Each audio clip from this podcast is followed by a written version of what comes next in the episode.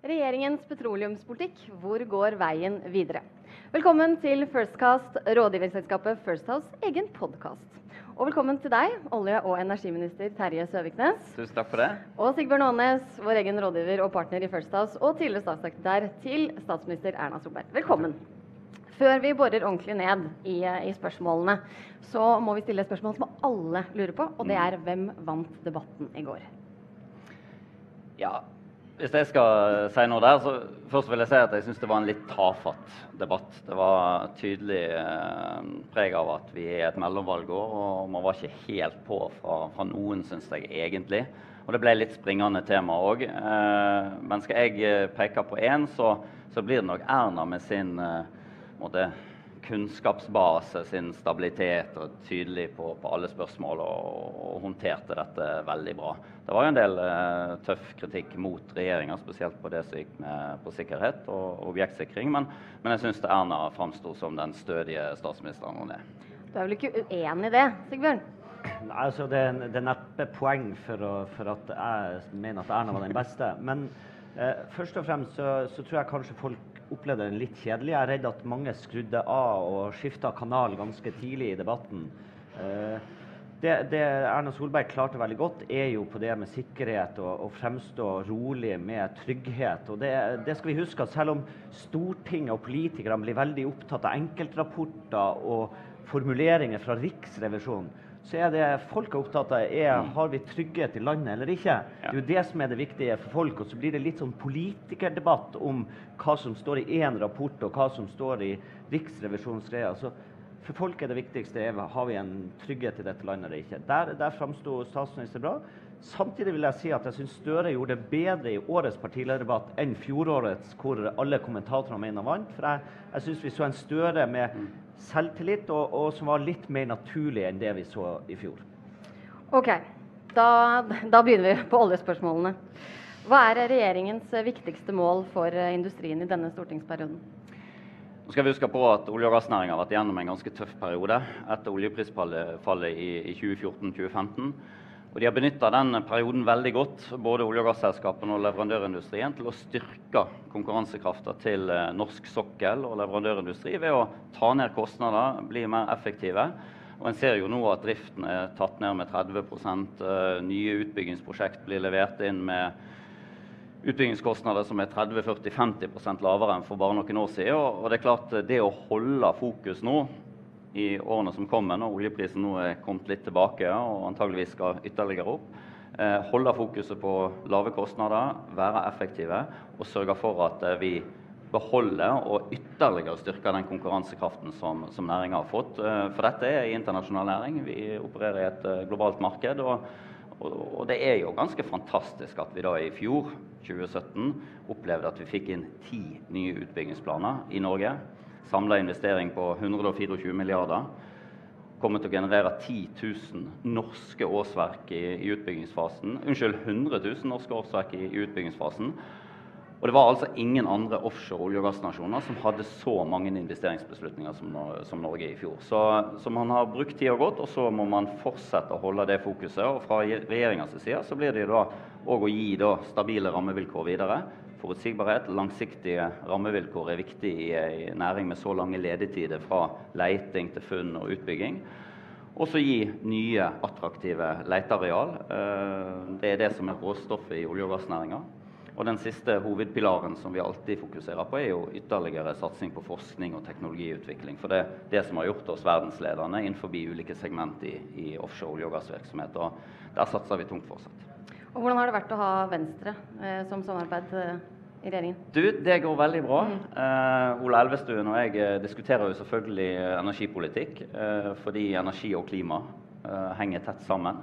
Men det vi la som grunnlag i Jeløya-plattformen, det er først og fremst å videreføre forutsigbare og, og, og langsiktige rammevilkår for næringa. Og det har vi fått god respons for, på. og jeg eh, opplever ikke at det er det store skiftet eh, fra Høyre og Frp styrte i forrige periode, til vi nå har fått inn eh, Venstre i, regjeringa når det kommer til, til energipolitikken som sådan. Og, og, Det tror jeg er lurt, fordi dette er som sagt næringer både på olje og gass, men også fornybar for den del, med store prosjekt lange ledetider fra man begynner å utforske en mulighet, og til man faktisk kan komme i, i utbygging og drift. Bare for å forklare, for det det, Ordet forutsigbarhet er jo ofte kjedelig, eller oppleves kjedelig i, i den politiske debatten. Men, men, olje- og gassindustrien opererer jo også i veldig mange land med, u, med veldig vanskelig politisk styre, med ustabilitet. Det kan være utenfor Afrika, vi har sett det i Sør-Amerika. Og så er det sånn at Norsk sokkel er ikke nødvendigvis alltid der du har de største funnene, eller du kan se den eh, beste lønnsomheten isolert sett. Men det som har gjort at Norge skiller seg ut fra stort sett resten av verden, er politisk stabilitet. Altså Når du gjør et funn i Norge, når du bygger ut et felt, så vet du for det første at myndighetene kommer ikke en dag og bare tar over feltet, sånn som f.eks. man gjorde i Venezuela. Eh, du vet at du har ikke et, et politisk landskap som, som, øker og senker skattenivået fra år til år eller fra periode til periode. Sånn at når du gjør disse investeringene som går over titalls år, så har du en politisk forutsigbarhet og stabilitet. Og det er utrolig viktig for olje- og gassindustrien. Og det så vi, vi så det når du hadde eh, diskusjon om elektrifisering av Utsirahøyden, hvor Stortinget plutselig over natta gjorde et vedtak i 2014. Så så du plutselig at det skapte usikkerhet internasjonalt om politi, politisk forutsigbarhet for denne næringa. Siden da så, så tror jeg, da tror jeg de fleste skjønte at sånn kan man ikke gjøre. Men, men, men derfor er denne politiske forutsigbarheten så viktig. Og så vil jeg si noe annet som Terje er innom som er viktig, nemlig konkurransekraften i næringa. Jeg husker veldig godt, januar 2014 hadde statsminister og olje- og energiministeren sitt første møte med næringa, dialogmøte om konkurransekraft. Den gangen var oljeprisen på ca. 120 dollar. Og, og kostnadsutviklinga hadde gått bananas. Ja. Altså Konkurransekraften i industrien hadde forsvunnet selv om du hadde en rekordhøy oljepris. Siden den gangen så mm. har industrien gjort en helt fantastisk eh, jobb med å få ned kostnadene, og på den måten også sikre jobbene for framtida, mm. og det at vi kan bygge ut flere felt fordi at lønnsomheten går opp, til tross for en lavere oljepris. La meg bare underbygge det litt eh, med forutsigbarhet ytterligere. for da når vi la fram eh, utbygginga av Johan Castberg for Stortinget i, i vår, så hadde vi òg en meldingsdel knytta til, til, den proposisjonen. Og der var vi tydelige på hva var regjeringas politikk for olje- og gassektoren. Eh, vi gjorde opp en status for næringa både i Norge, norsk sokkel, men òg i det globale perspektivet. Og det som var veldig gledelig når man fikk eh, sett sluttbehandlinga av den eh, proposisjonen i Stortinget, det er at det fortsatt er et bredt politisk flertall bestående av de store partiene som står bak den forutsigbarheten og langsiktigheten i olje- og gasspolitikken som har vært Norges store konkurransefortrinn, som, som man er inne på her. Og det er godt å få konstatert i en periode der det har vært en del diskusjon om næringas framtid. Eh, vi fikk jo egentlig to ting på, oppå hverandre eh, tre-fire år tilbake i tid. Først oljeprisfallet, som gjorde at en del tenkte at nå er kanskje ikke Norge så avhengig av olje- og gassinntektene lenger fordi eh, oljeprisen har falt. Men vi er jo det. Eh, vi trenger det for å, å videreutvikle velferdssamfunnet vårt og, og, levere tjenester. Og jeg pleier å si Det handler egentlig om barnehager, og skole, og eldreomsorg, og veier, og forsvar og politi. Det er ned, ned på det nivået vi, vi må. Eh, men så fikk vi òg klimaperspektivet inn med Parisavtalen i, i 2015. og de to tingene til sammen har jo satt i gang en diskusjon om olje- og gassnæringas framtid òg i Norge. Eh, men valgresultatet og nå enigheten på Stortinget viser jo at vi har en forutsigbarhet og en langsiktighet for eh, denne næringa. Ja. Og så, Hvis jeg skal se litt i, i, i kula for du, du, kan, du, kan, være eh, for eller mot olje- og gassindustrien og på, på ulike måter, men, men, olje- og gassindustrien er hovedpulsåra i norsk økonomi, eh, om man vil eller ikke. Eh, jeg var på lansering av en ny bok i forrige uke som er skrevet av Ketil Raknes og, og Bård Vegar Solhjell, tidligere, tidligere, klimaminister for, for de rød-grønne. Og, og, I deres bok så skriver de at oljeindustrien er liksom den mektigste lobbynæringa i Norge. De har både penger og de har så mye makt og innflytelse. Men hvis jeg skal, hvis jeg skal gi en bekymring, så er det jeg, jeg, For jeg er helt uenig i den analysen. altså de som har, Den næringa som har tapt størst eh, politisk innflytelse de siste ti årene tiåret er olje- og gassindustrien. Eh, du ser det på landsmøtene. Du ser det spesielt hvis du går på de under 40 i stortingsgruppa til Arbeiderpartiet, så er det en betydelig skepsis til denne industrien. Du ser det i ungdomspartiene, og da trenger du ikke å gå til AUF eller Sosialistisk Ungdom. Du kan også gå nå i Unge Høyre og finne en del av denne skepsisen. Så Derfor er det så utrolig viktig at denne industrien fortsetter å jobbe langsiktig både med politikere, men ikke bare med de som har makt, men også med de unge som får makt om ti år frem i tid. fordi at det er en link mellom velferdsstaten og oljeindustrien. Hvor kommer denne skeptisen fra? Nei, Det har nok eh, i all hovedsak eh, med, med klimafokus å gjøre. Eh, og der eh, man har hatt veldig lett for å peke på olje- og gassindustrien som, eh, som utfordringen. Det er jo ikke riktig, og det blir ofte veldig teknisk når vi skal forklare dette. fordi at dette er en del av da kvotepliktig sektor, eh, skal løse våre klimautfordringer innenfor EU-systemet eh, når det kommer til våre nasjonale mål. Men eh, det blir veldig lett å peke på olje- og gassindustrien. Uh, og jeg har lyst til å understreke at uh, norsk olje- og gassdebatt blir ofte veldig svart-hvitt, og så møtes vi i skyttergravene. Veldig få ser f.eks. gassens rolle og løfter den fram. fordi I Norge så diskuterer vi altfor mye olje. Gassen er nå like viktig for Norge i form av inntekter, arbeidsplasser. Eh, og gassen har en helt avgjørende betydning òg i forhold til om Europa skal nå sine mål etter Parisavtalen. Skifte fra kull til gass er det raskeste og mest effektive klimatiltaket, og mest, ikke minst kostnadseffektive klimatiltaket som Europa kan eh, stå for. Og Der ser vi jo strålende resultat f.eks. fra Storbritannia. Eh, der man har et prisgulv for, for, CO2 som gjør at man nå har fått et skifte fra kull til gass i elektrisitetsproduksjonen. Og, og, bare fra 2016 til 2017. Dette blir litt tall, men man blir jo litt nerdete i denne bransjen. Så har man altså da i Storbritannia kutta CO2-utslippene med 25 millioner tonn på ett år. Det er nesten det, halvparten av Norges utslipp. Det er ganske riktig halvparten av Norges samla utslipp av CO2. Og det er altså norsk gass som har kommet inn som erstatning for kull. Eh, og dermed så må vi, vi, løfte denne debatten eh, litt opp. Eh, klimadebatten blir ofte veldig fokusert ned på, på, på enkelttiltak og saker. Men utfordringen er global, og den må løses globalt. Og da har norsk olje og gass faktisk en, en rolle å spille der, ikke minst gassen. Og så vil jeg jo peke på kanskje den største verdien vi har etter 50 år med olje- og gassvirksomhet på norsk sokkel, det er jo kompetansebasen den teknologibasen vi har utvikla gjennom disse årene. Eh, og nå ser vi jo spredning av det, både kompetanse og teknologi, og til andre viktige næringer som vi skal eh, nytte godt av i, i årene som kommer. Både havbruk og offshore vind og infrastrukturbygging osv. Støre han er på vippen til å si nei til eh, Vesterålen. Og det kanskje med litt med press fra AUF. Eh, hvordan vil det bli hvis plutselig Støre blir statsminister i 2018? Vil denne forutsigbarheten som dere snakker om, forbli den samme? Altså, eh, Jeg tror nok at Arbeiderpartiet er opptatt av forutsigbarhet for oljeindustrien. Jeg tror nettopp den øvelsen vi var gjennom i 2014 med eh, forslaget og vedtaket i Stortinget om elektrifisering av Utsira, var med på en vekker i Arbeiderpartiet om hvor viktig denne forutsigbarheten er. Så jeg tror ikke, jeg tror ikke Arbeiderpartiet i seg selv er villig til å gi bort denne forutsigbarheten. Det, dette er mange arbeidsplasser, det har stor betydning for norsk økonomi.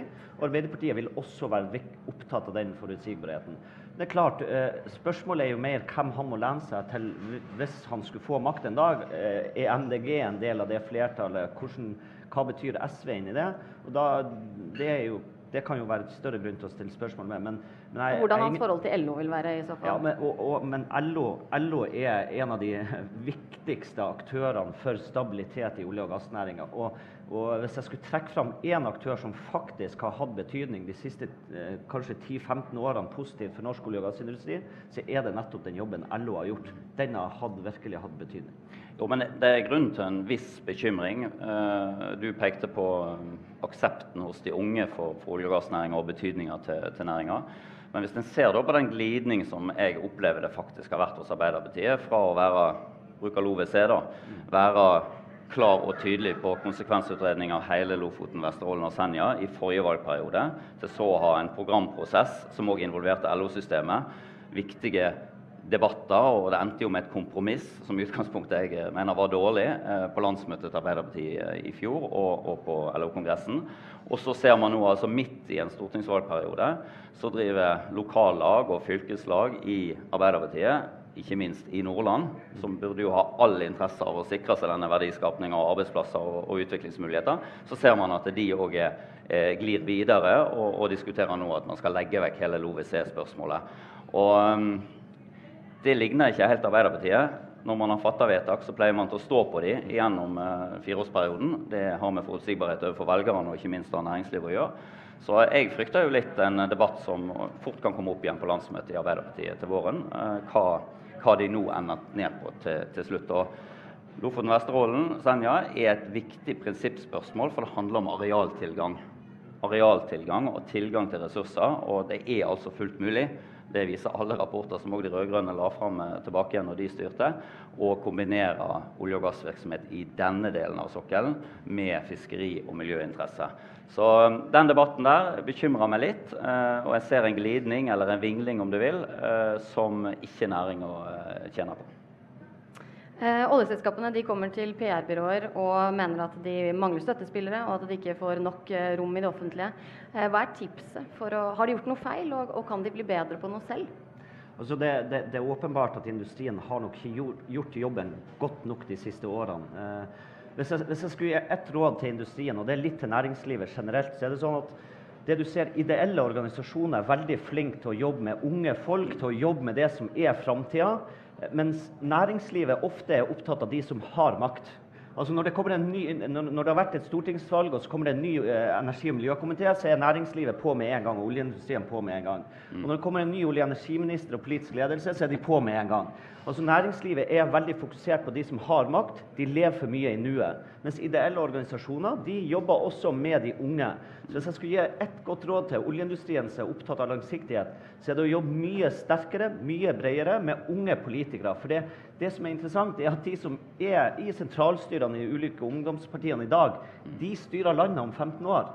Og når, du, og når, du, kommer til noen som har fått makt, så har de ofte forma holdningen i veldig stor grad. Det man må gjøre er å jobbe med de mye tidligere og bygge kunnskap fra de yngre.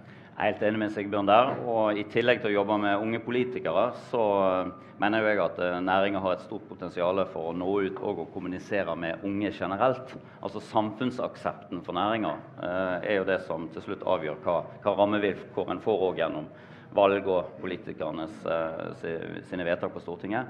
Eh, og Derfor så satte jeg jo ned et eh, ungdomspanel som et av de første grepene jeg tok når jeg kom inn som olje- og energiminister, nettopp for å få hjelp eh, fra unge sjøl. De ga oss råd om hvordan bør vi politikere, men òg olje- og gassnæringa sjøl, kommunisere med unge, og hva plattformer bør de være på. For vi nærmer oss jo en alder der vi, vi, vi blir litt utdaterte på, på hvordan kommunikasjonen. Medier, ja. ja. vi er jo på sosiale medier, men, men vi er allikevel ikke der framme som de, de yngste er. Uh, og det er jo ingen lenger blant de yngre som setter seg ned og følger Dagsrevyen eller TV 2-nyhetene eller uh, leser aviser på vanlig måte, som, som, vi har vært vant til. Så man må altså kommunisere på en helt annen måte og på andre plattformer enn tidligere. Og så er det viktig tror jeg, at vi får fram unge stemmer òg fra olje- og gassnæringa og fra leverandørindustrien. Det finnes jo så mye dyktige fagfolk der ute. Eh, og det å vise da, mulighetene som ligger her i fortsettelsen. Nå er det en digitaliseringsbølge òg i, i olje- og gassnæringa som gjør at du får helt annen type kompetanse inn og spennende muligheter for, for unge å gripe fatt i. Og, jeg pleier å si at Er du opptatt av klima, så er det jo ingen annen plass enn i energibransjen, og spesielt olje og gass. Du kan gjøre en forskjell. Være med, med å påvirke både utslipp ved produksjon, men òg eh, mulighetene for å utvikle hydrogen fra naturgass med karbonfangst og -lagring, som er et spennende framtidsperspektiv for, for, norsk olje- og gassnæring. Det å ytterligere sørge for at vi, vi får ned eh, utslippene fra produksjonen. Så her, eh, her, ligger det et hav av muligheter. Og, og det å bruke unge òg i kommunikasjon med unge eh, Det hjelper ikke at jeg eller Karl Erik Skjøtt Pedersen eller andre knytta til, til, oljesektoren springer rundt og holder preken. Det må faktisk eh, løftes fram òg unge som er en del av næringa, i kommunikasjon med unge. Jeg vet ikke om det, det, er mange som ligger oppe og drømmer om perspektivmeldinga om natta, men Nei, jeg syns jo perspektivmeldinga er noe vakkert. Og, og, og, og, jo yngre du er, jo mer tid bør man bruke på perspektivmeldinga som Finansdepartementet legger fram. Og jeg husker veldig godt i, når Kristin Halvorsen som finansminister i 2009 la frem sin perspektivmelding. Og Den handla jo i bunn og grunn om hvordan skal vi finansiere velferdsstaten vår fremover. Hva skal vi leve av? Eh, og Den gangen så var det jo også en diskusjon om finansieringsgapet de neste ti årene. Vi får en eldrebølge, vi får noen finansieringsutfordringer. Men det som var interessant i 2009, når Kristin Halvorsen la fram perspektivmeldinga, at hun hadde lagt til grunn åpning av Lofoten, Vesterålen og Senja i ressursbasen for hvordan velferdsstaten skulle finansieres framover. Og det viser bare hvor viktig denne industrien er. Fordi at forskjellen for, for unge generasjoner i hvordan vi skal klare å leve fremtida, den ligger også mye i hvordan vi lykkes i denne industrien. Og Derfor kommer den til å være viktig fremover. Og den er vel så viktig for de som er unge, som de som er gamle. Vi lar oppfordringen til å lese perspektivmeldingen og til å finne unge stemmer som kan snakke for seg, eh, være siste ord. Tusen takk for at dere kom, tusen takk for at dere var her på Hill, og tusen takk for at dere hørte på der hjemme. Mitt navn er Iven Oppsal. Vi høres.